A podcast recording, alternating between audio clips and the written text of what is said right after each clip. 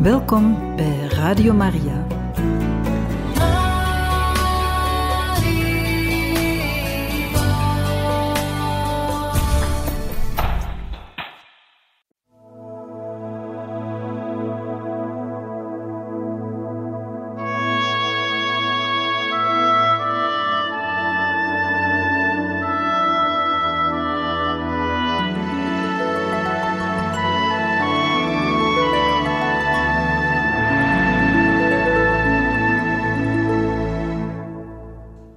Beste luisteraars van Radio Maria, in dit programma Heilige Getuigen gaan we verder met de lezing van het boek over Johannes van het Kruis, met de titel Geboren uit Gods adem, geschreven door Crisogono de Jesus. We zijn ondertussen gekomen bij hoofdstuk 10 in de Sierra de Segura van 1578 tot 1579, bij het onderwerp een mislukte missie.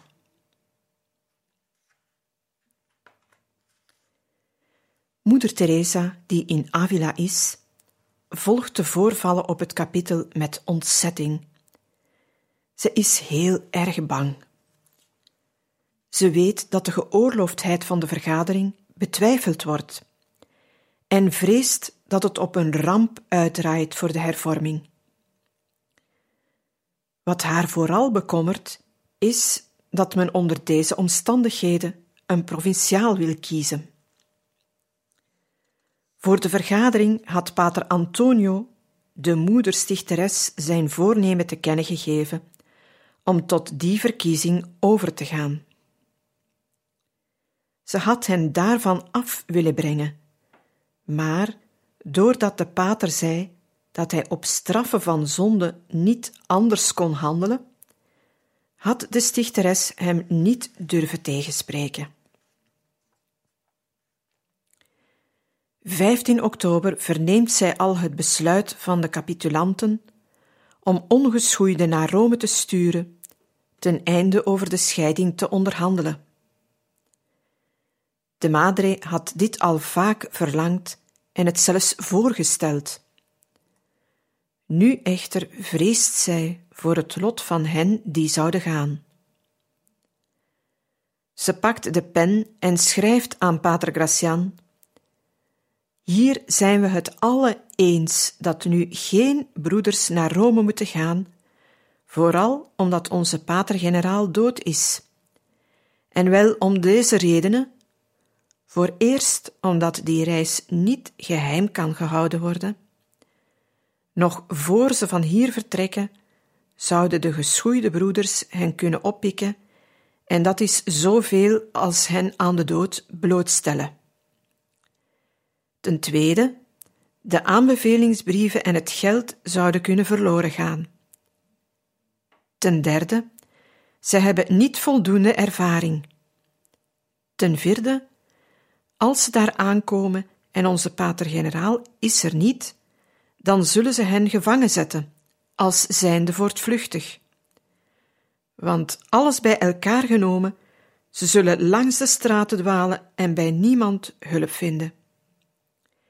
En de madre, die nog zo kort geleden pas de berichten heeft gekregen over wat Johannes van het Kruis in de gevangenis van Toledo heeft moeten ondergaan, voegt er nog aan toe: En als we hier al ondanks alle mogelijke hulp, broeder Juan niet konden helpen, wat zal het ginder dan worden? Iedereen keurt het af om nu broeders te sturen. En een paar regels verder dringt zij aan.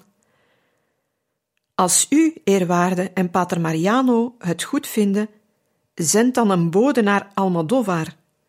Ze mogen de afreis van de broeders niet voorbereiden. Stuur mij zo vlug mogelijk een bericht. Men trekt zich weinig aan van de mening van moeder Teresa en men handhaaft zowel de verkiezing van de provinciaal als het zenden van ongeschoeide om in Rome te onderhandelen over de afscheiding en de bevestiging van de kapittelbesluiten en verkiezingen, zoals die gebeurd zijn.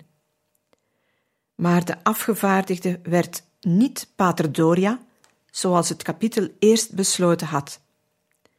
Hij wordt door de nuntius in Madrid gehouden en men vertrouwt de zending toe aan Pater Pedro de Los Angeles, die als metgezel Juan de Santiago krijgt, een bescheiden en vurige lekenbroeder.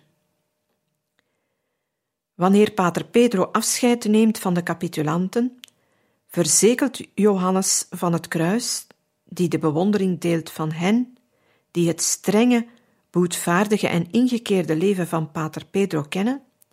Men zegt dat hij hele nachten in gebed doorbrengt, dat hij verrukkingen kent en dat men zijn boetedoeningen heeft moeten matigen, op profetische toon. U gaat als ongeschoeide naar Italië en zult als geschoeide terugkomen. De feiten zullen al heel gauw profetische waarde geven aan de woorden van Juan. Het gebrek aan oordeel van Pater Pedro heeft tot de mislukking van zijn missie geleid. En in Rome misleid keert hij naar Spanje terug om er de hervorming af te zweren.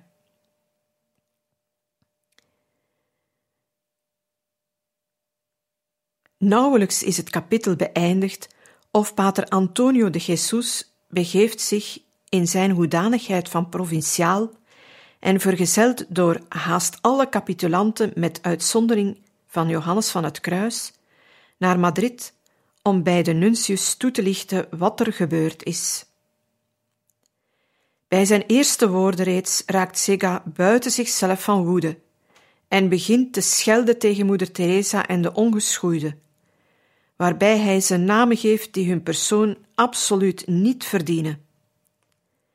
Hij verklaart alles wat er op het kapitel gebeurd is van nul en geen waarde, kwalificeert het als een aanslag op zijn gezag als legaat, plaatst de ongeschoeide onder de totale rechtsmacht van geschoeide? En veroordeelt de voornaamste aanhangers van de hervorming hier in zijn bijzijn tot de gevangenis.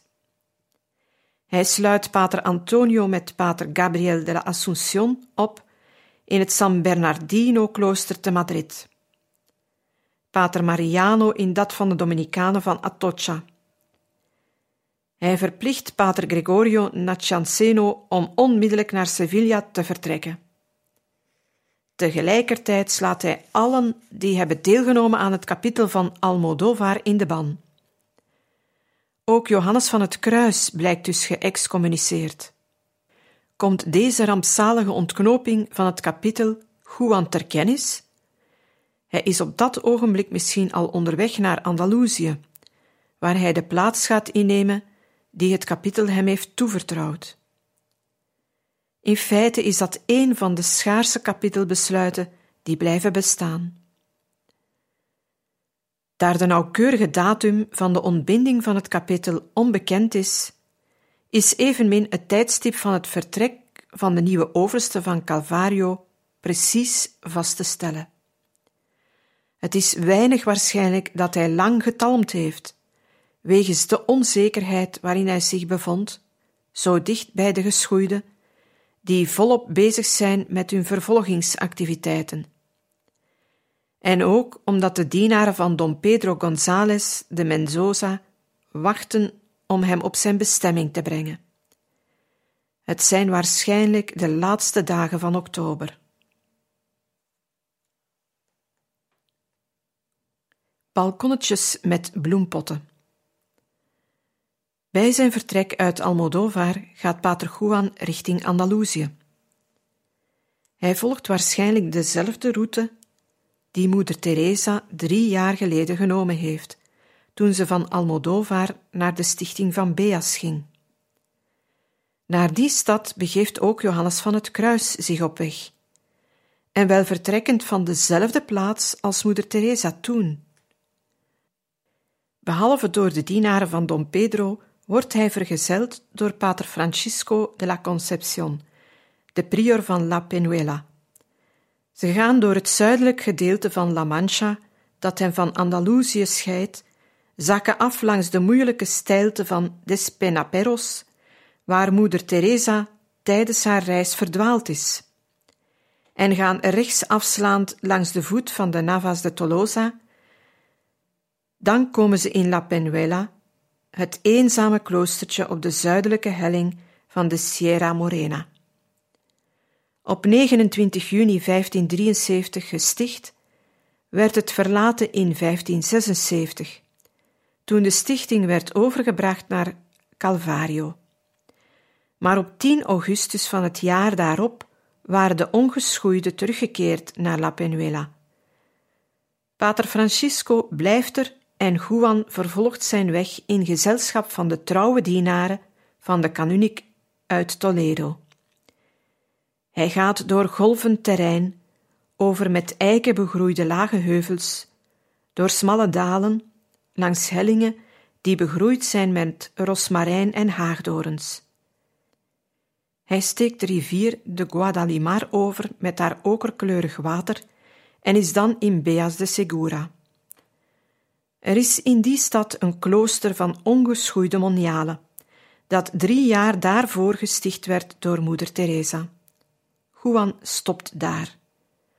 Het doel van zijn reis al naderend, besluit hij halt te houden bij de monialen en stuurt het groepje dat hem vanaf de keizerstad vergezeld heeft terug. Wanneer de bewakers die lange weg opnieuw hebben afgelegd en in Toledo aankomen, putten zij zich uit in loftuidingen over de jonge ongeschoeide pater en vragen wie die man is waar zo'n geur van heiligheid van uitgaat.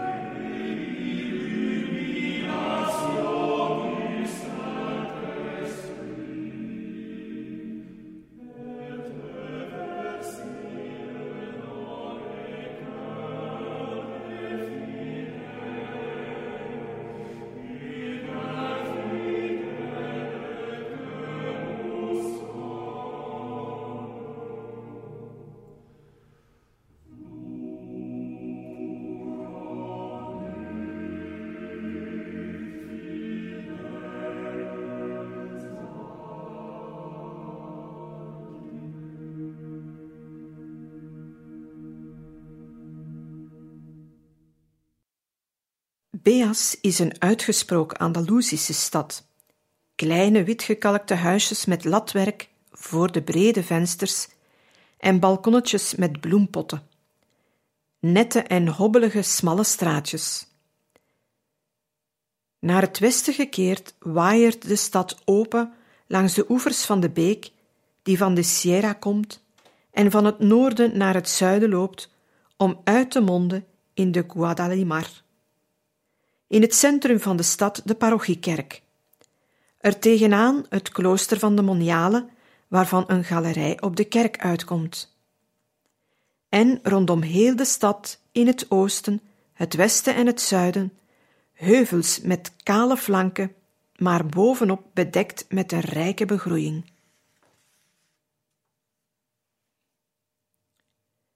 De communiteit waarnaar de voorkeur van zijn hart zal uitgaan. De priorin van de ongeschoeide zusters kent Pater Johannes van het Kruis. Het is moeder Ana de Jesus. Nog novice in Avila is zij onderweg naar Salamanca in 1570 door Manchera gekomen, toen Juan daar subprior was. Pater Juan boezemt de religieuze medelijden in. Hij is nog zwak, bleek, mager en vaal, slechts vel over been. Hij heeft haast geen kracht om te spreken. De priorin geeft het bezoek van de arme ongeschoeide pater de sfeer van heilige vrolijkheid, die zo karakteristiek is voor de spreekkamers van de dochters van moeder Teresa. Ze draagt twee jonge religieuzen, Lucia de San José en Francisca de la Madre de Dios, op om Juan plezier te doen met het zingen van een paar geestelijke coupletjes. En in het schemerdonker van de kloosterspreekkamer, klein en afgesloten door tralies, weerklinkt dit lied. Wie geen verdriet kent in dit tranendal, geen goede dingen kent, die heeft de liefde niet gesmaakt, want smarten zijn het kleed van minnaars. Zowel door zijn uiterst lichamelijke zwakte als door zijn sublieme spiritualiteit moet Pater Juan in een toestand van uiterst scherpe gevoeligheid verkeren. Hij trilt zo erg dat hij zijn emotie niet meester kan. Met een hand grijpt hij de tralies van de spreekkamer vast en beduidt met de andere dat men ophoudt met het lied dat zoveel indruk op hem maakt. Hij kan geen woord meer uitbrengen. De tranen springen hem overvloedig en vreedzaam in de ogen en glijden langs zijn bleke wangen. Hij grijpt de tralies met twee handen stevig vast en blijft onbeweeglijk en zwijgend. Dat duurt zo een uur. Wanneer hij weer bij krachten is, spreekt hij over al wat de Heer hem te verstaan heeft gegeven, over de waarde van het lijden. En beklemtoont hij hoe weinig gelegenheden er zijn om voor God te lijden. Terwijl hij door het lijden volledig uitgeput is. De monialen luisteren met verbazing naar hem en voelen zich gesticht. Hoe lang blijft Juan precies in Beas? Het zal niet zo'n kort oponthoud geweest zijn. Alleen al het feit dat hij de dienaren van Don Pedro heeft weggezonden, betekent dat hij bij aankomst niet de bedoeling had zijn reis zo snel te vervolgen. Hij brengt verscheidene dagen te Beas door. De eerste in grote inkeer, haast zonder te spreken. De monialen zullen beweren dat hij het niet kon, zo verzwakt en kwijnend was hij. Tijdens de eerste gesprekken in de spreekkamer zegt Pater Juan, wanneer moeder Teresa ter sprake komt, dat zij wel degelijk zijn dochter is. Die uitdrukking bevalt moeder Priorin Ana de Jesus niet. Ze geeft er onmiddellijk als commentaar op tegen haar zusters. Het lijkt een hele goede, pater Johannes van het Kruis, maar nog wel wat jong om onze moederstichteres mijn dochter te noemen. Ze schrijft het ook aan de madre zelf, tegelijk met een klacht dat zij geen geestelijke leidsman heeft, met wie zij en haar dochters het kunnen hebben over de dingen van hun ziel.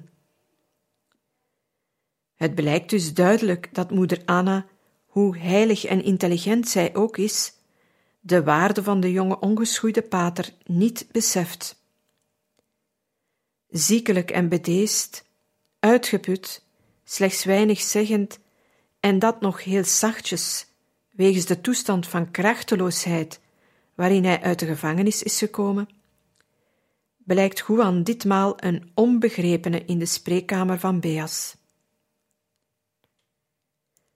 Van de spreekkamer gaat hij naar de biechtstoel.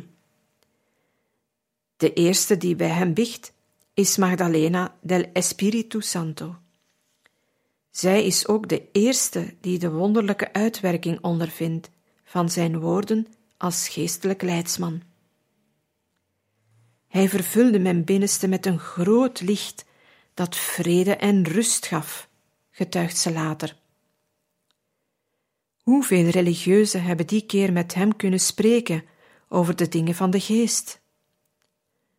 Maar daar zuster Magdalena zegt dat zij de eerste was, lijkt dit erop te wijzen dat zij niet de enige was. Te meer, daar zij verzekert dat de anderen ook iets gekend hebben van al wat de heilige Pater van God kon verkrijgen, en van de goede uitwerking die hij had op hun zielen. Dat is dus het eerste contact van de illustere hervormer met die communiteit waarnaar weldra de voorkeur van zijn hart zou uitgaan. Tussen het donkere groen een kleine hoeve. Juan hervat zijn reis. Een lange weg nog van meer dan twee mijl, stijgend en oneffen. Eerst tussen het rotsgesteente door en vervolgens door het struikgewas. Het is niet waarschijnlijk dat hij hem alleen heeft afgelegd, want hij kende de weg niet en was bovendien zwak en uitgeput.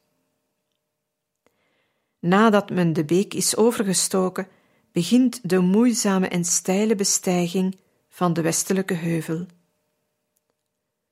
Een honderd stappen verder geeft een rots de plaats aan waar Juan zal rusten tijdens andere reizen naar Beas wanneer hij vanuit Calvario komt bicht horen bij de moniale.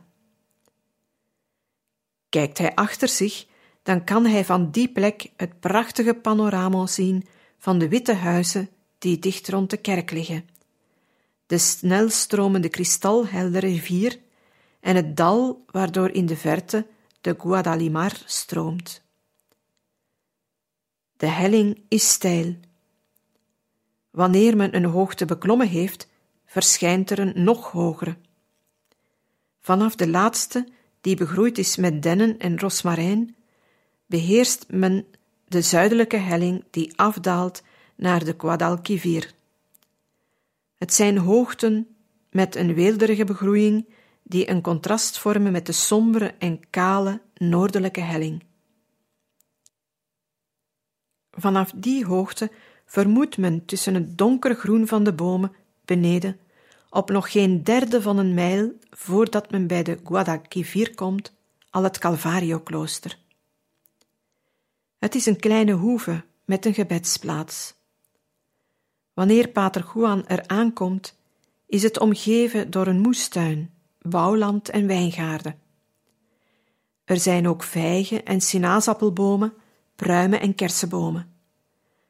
Het heeft zelfs de faam dat het een jacht- en visterrein is vlak bij het klooster aan de noordkant, maar naar het zuiden gericht, een met bomen, brem en struikgewas omgeven put. Op de berg groeien dennen, eiken, steeneiken, olmen en rosmarijn die bloeit tot in december. Het panorama is prachtig met zijn licht en zijn kleuren. In de ogen van Juan is het melancholieke beeld van de enge, donkere Toledaanse kerker nauwelijks uitgewist. Dat blij en vreedzame schouwspel moet een heel prettige indruk op hem maken, met de wijdse, heldere horizonten, de vol kleuren prijkende velden en heel de atmosfeer die doordrenkt is met geuren en het mysterieuze van een rijkdom aan verre klanken. Waterstraaltjes ritselen van de top van de heuvel langs de kant, met hun zigzagloop de Guadalquivir zoekend. Het geurt er naar wilde rozen, rosmarijn en tijm. Snelle vogelvluchten kruisen elkaar in de lucht. Men vangt zelfs het gerucht op van de Andalusische stroom die in de diepte door een steenbed loopt.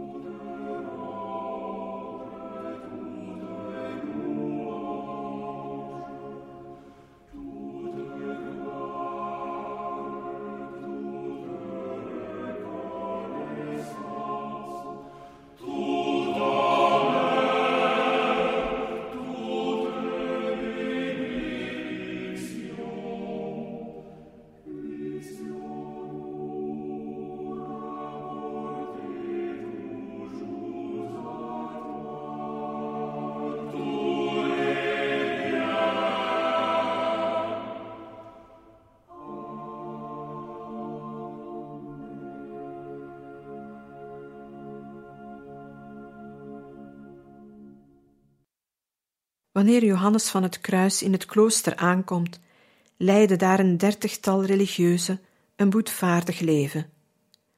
De nieuwe overste hoeft hen niet aan te sporen tot vaste of gestrengheid. Vooral zij die hier al sinds de stichting verblijven, weten terdege wat gebrek en lijden is. Ze hebben geslapen op matten van rosmarijn, ze hebben dagenlang doorgebracht zonder iets warms te eten en zich vergenoegd met brood en vruchten, soms alleen maar met kruiden. Vooral zijn er het aanhoudende boetekleed en de lange uren gebed, zonder onderscheid van dag of nacht. Een kloosterling heeft achttien uur aan één stuk in de gebedsplaats doorgebracht. Een ander heeft het boetekleed een jaar lang niet uitgetrokken. Juan gaat al die boeteoefeningen niet afschaffen, maar hij gaat de gestrengheid ervan wat matigen en daartegenover een geest van geloof, liefde en vertrouwen ontwikkelen die de bewoners van Calvario niet gekend hadden.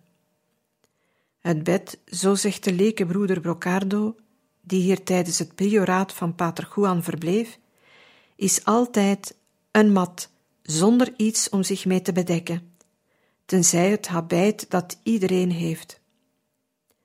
Juan zelf slaapt op bossen rosmarijn, aan elkaar gebonden met een vlechtwerk van wingerdranken.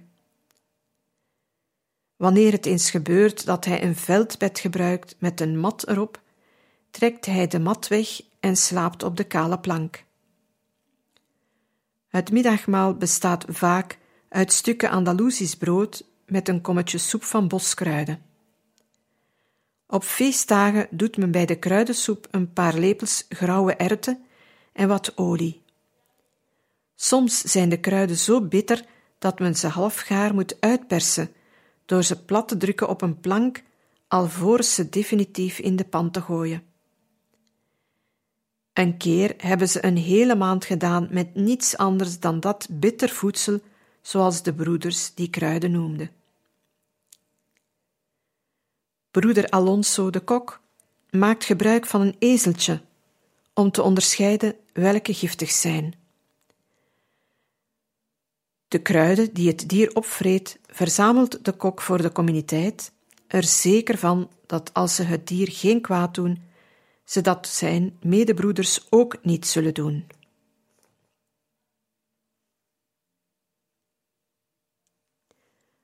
Er is nog meer van het miraculeuze eten.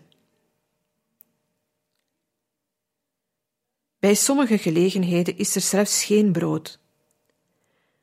Als op zekere dag de klok voor de maaltijd geluid heeft, gaan de kloosterlingen de eetzaal binnen. Juan merkt dat men geen brood heeft neergezet en vraagt waarom. Men antwoordt hem: omdat er geen is. Hij laat een klein stukje zoeken en legt dat op tafel.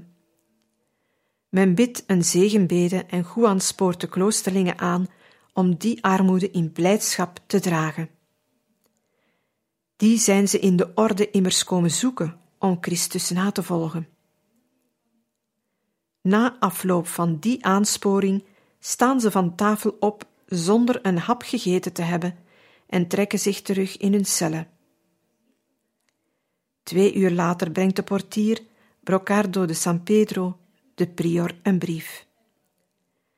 Een man op een ezel is die aan het klooster komen afgeven. Pater Juan begint hem te lezen en de tranen springen hem in de ogen. Verschrikt denkt de portier dat er slecht nieuws in de brief staat en vraagt de prior ernaar. Ik huil, broeder, antwoordt Juan, omdat de Heer ons voor zo onvolmaakt houdt, dat wij de onthouding van vandaag niet lang kunnen verdragen, want Hij stuurt ons de maaltijd. Men kondigt hem aan dat er een fanega, gebakken brood, onderweg is, en een dito hoeveelheid meel en dat het direct zal aankomen. Diezelfde avond ziet men voor het klooster een slaaf stilhouden met twee muilezels. Het is een dienaar van Dona Felipa, gemalin van Don Andrés Ortega Cabrio, ouders van een latere ongeschoeide karmeliet, Fernando de la Madre de Dios. Hij komt uit Ubeda met een voorraad proviand voor de kloosterlingen. De familie Ortega Cabrio gaf dit geschenk zonder dat ze ook maar iets afwist van de dringende nood waarin de religieuzen van Calvario verkeerden. En deze beschouwde de gebeurtenis als miraculeus. Tien dagen later komt Cristobal de la Higuera naar Calvario. Het is een goede vriend van de ongeschoeide, een devoot man die de heiligheid van Johannes van het Kruis bewondert. Woonachtig in Ubeda heeft hij de gewoonte aalmoezen voor hen te vragen bij zijn stadsgenoten. Ditmaal komt hij de prior advies vragen. Het is al avond en Juan zegt hem een avondmaal voor te zetten. Pater Pedro de la Madre de Dios houdt hem daarbij gezelschap. Diego, die opdient, zegt tijdens de maaltijd tegen Don Cristobal: Eet gerust, er is nog veel meer van het miraculeuze eten van onze Pater Johannes van het Kruis. En hij vertelt hem wat er gebeurd is op de dag dat ze geen brood meer hadden. De duivel zou in die pruim kruipen. Geestdriftig over het landschap rond het klooster brengt Juan zijn religieuze graag in het open veld. Soms om het gemeenschappelijk gebed te doen tussen de rotsen en bosjes, andere keren om zich te ontspannen tijdens het verzorgen van de wijngaard, de aanplanting of de moestuin. Wanneer zij het klooster uitgaan om te bidden, gebeurt het wel dat Juan in hun midden op de berg gezeten, in plaats van een meditatietekst voor te lezen, tot hen spreekt over de wonderen van de schepping die zich daar zo schitterend voor hun ogen uitstallen. Over de schoonheid van de natuur, over de afstraling van de goddelijke schoonheid die men ontdekt in die bloemen, in het kristalheldere water waar hun ongeschoeide voeten doorheen waden, in de vogeltjes die er misschien zingen in de top van de boom ernaast, in het licht van de zon dat zo schitterend is. Daarna zegt hij hun uiteen te gaan om te mediteren. Verspreid over de berg en verscholen tussen de bomen, bij een bron of op een rotsblok gezeten. Andere keren neemt hij hen mee voor veldwerk. Ze bewerken de grond, plukken het fruit, maaien de oogst, verzamelen zuurbessen. Van één enkele vijgenaanplanting verzamelen zij verscheidene jaren meer dan dertig maten vijgen. Op een dag als ze pruimen plukken, vraagt een kloosterling zijn metgezel: Zouden we er een van opeten?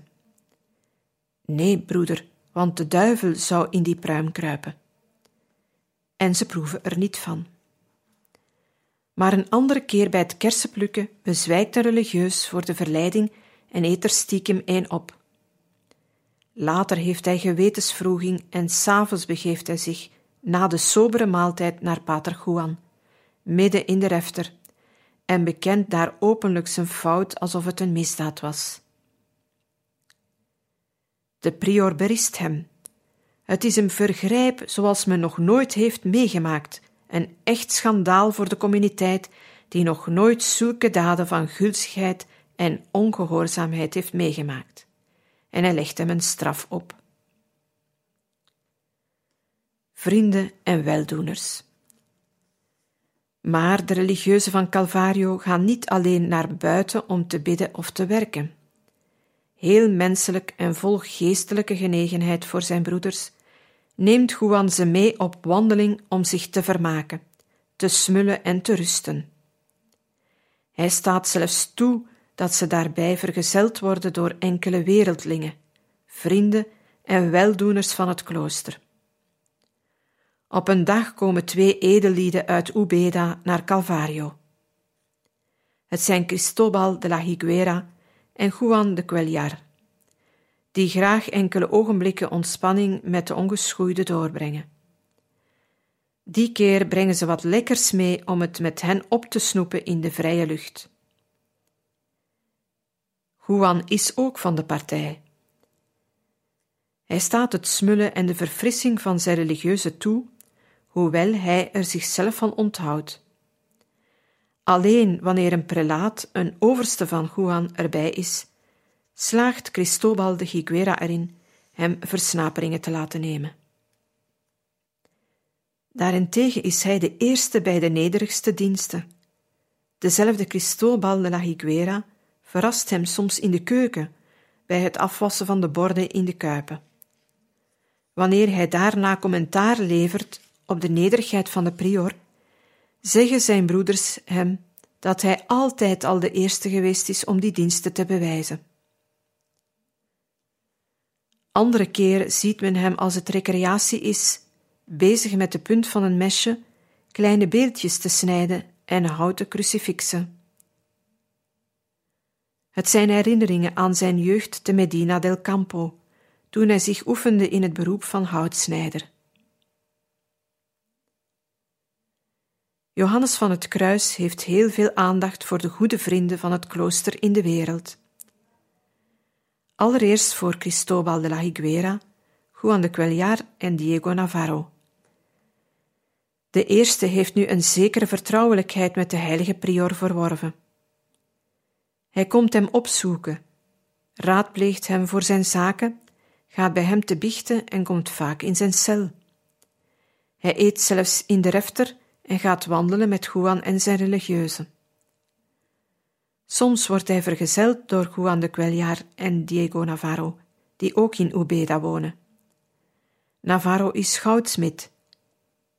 Hij betreurt enkele jeugdige vergissingen. Pater Juan troost hem. Bij sommige gelegenheden is de prior, als hij met deze vrienden spreekt, als het ware afwezig, zonder aandacht voor het gesprek, in zichzelf verzonken en met de ogen naar de hemel geslagen. Dan nemen de drie vrienden, door godsvrucht aangegrepen, hun hoed af en trekken zich eerbiedig terug, terwijl ze hem in die houding alleen laten. Wanneer Cristobal de la Higuera de aanwezige religieuze later vraagt wat er gebeurd is met die verrukking van de heilige, antwoordt men hem dat er grootse dingen gebeurd zijn. Andere keren hoor zij hem met een glimlach op de lippen over zijn gevangenis spreken, waarbij hij zich verheugt over doorstane lijden en zegt dat hij uit liefde tot God nog meer dan dat zou willen lijden, want hij verdiende veel meer lijden om de zonde die hij tegen zijn goddelijke majesteit had bedreven.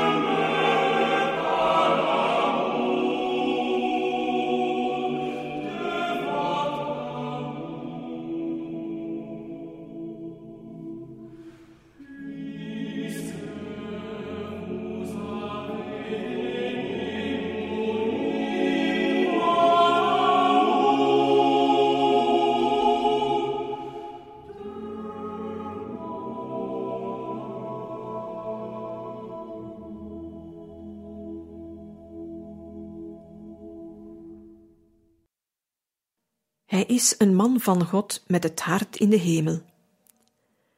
Naast het bestuur van de communiteit zijn de twee voornaamste bezigheden waarmee de dagen van Johannes van het Kruis gevuld worden op Calvario het bijstaan van de monialen van Beas als biechtvader en het schrijven van enkele van zijn geschriften. Anne de Jesus, priorin van de ongeschoeide zusters, had, kort nadat Pater Juan er geweest was, aan de madre geschreven om het gemis van een geschikte biechtvader te betreuren. Tegelijk vertelde ze haar daarbij dat de jonge ongeschoeide pater haar, de moederstichteres, mijn dochter durfde noemen. Moeder Teresa antwoordt uit Avila. Ik moet erom lachen, dochter, hoe ge u zonder reden beklaagt. Ge hebt daar toch pater Juan de la Cruz? Hij is een man van God met het hart in de hemel. Ik verzeker u, sinds hij daar is, heb ik in heel Castilië niemand gevonden zoals hij, zo bekwaam ook om op de weg naar de hemel te leiden. U kunt niet geloven hoe eenzaam ik mij gevoel. Ik mis hem. Bedenk maar eens welk een schat jullie daar bezitten met die heilige. Alle zusters van uw klooster moeten met hem spreken en voor hem hun innerlijk openleggen. Ze zullen zien hoeveel oordeel het brengt en hoezeer ze over heel de lijn zullen vooruitgaan in de geestelijke volmaaktheid. Want onze Heer heeft hem daarvoor een bijzondere genade gegeven. Ik verzeker u, ik zou het op prijs stellen om hier mijn vader Fray Juan de la Cruz te hebben, want hij is waarlijk de vader van mijn ziel en een van hen die door hun contact mij het meest tot nut zijn geweest. Dochters, doet ook zo, in alle openhartigheid. Ik verzeker u, u kunt met hem even open zijn als met mij. U zult zeer tevreden zijn, want hij is een diep geestelijk mens met een grote ervaring en zeer ontwikkeld. De zusters hier, die door zijn onderricht gevormd waren, hebben heel veel spijt. Dank God die hem dicht bij u gezonden heeft. Ik schrijf hem om u te helpen. Ik ken zijn grote liefde. Hij zal het doen in om het even welke situatie. Dat antwoord is overtuigend. Aan moeder Anna, die zich verbaast dat pater Juan de moederstichteres mijn dochter noemt, antwoordt zij met te zeggen: Hij is waarlijk de vader van mijn ziel. En wanneer moeder Anna klaagt over het gemis aan een leidsman, zegt zij haar dat er geen ander is zoals hij in heel Castilië, waar het krioelt van grote theologen, die de Madre zo goed kent, en dat hij een diep geestelijk mens is met een grote ervaring en zeer ontwikkeld. Kortom, het is een perfecte leidsman. De brief die moeder Teresa tegelijkertijd aan pater Juan schrijft om zich bezig te houden met de moniale van Beas, is niet bewaard. Maar men mag ervan verzekerd zijn dat hij hem gekregen heeft, daar hij begint met wat de madre hem opdraagt. Beste luisteraars, we zijn weer voor vandaag aan het einde gekomen van deze lezing uit het boek over Johannes van het Kruis en gaan volgende keer verder met het hoofdstuk 10 in de Sierra de Segura bij het onderwerp Het lijkt hun of ze een serafijn horen. Bedankt voor het luisteren en graag tot morgen.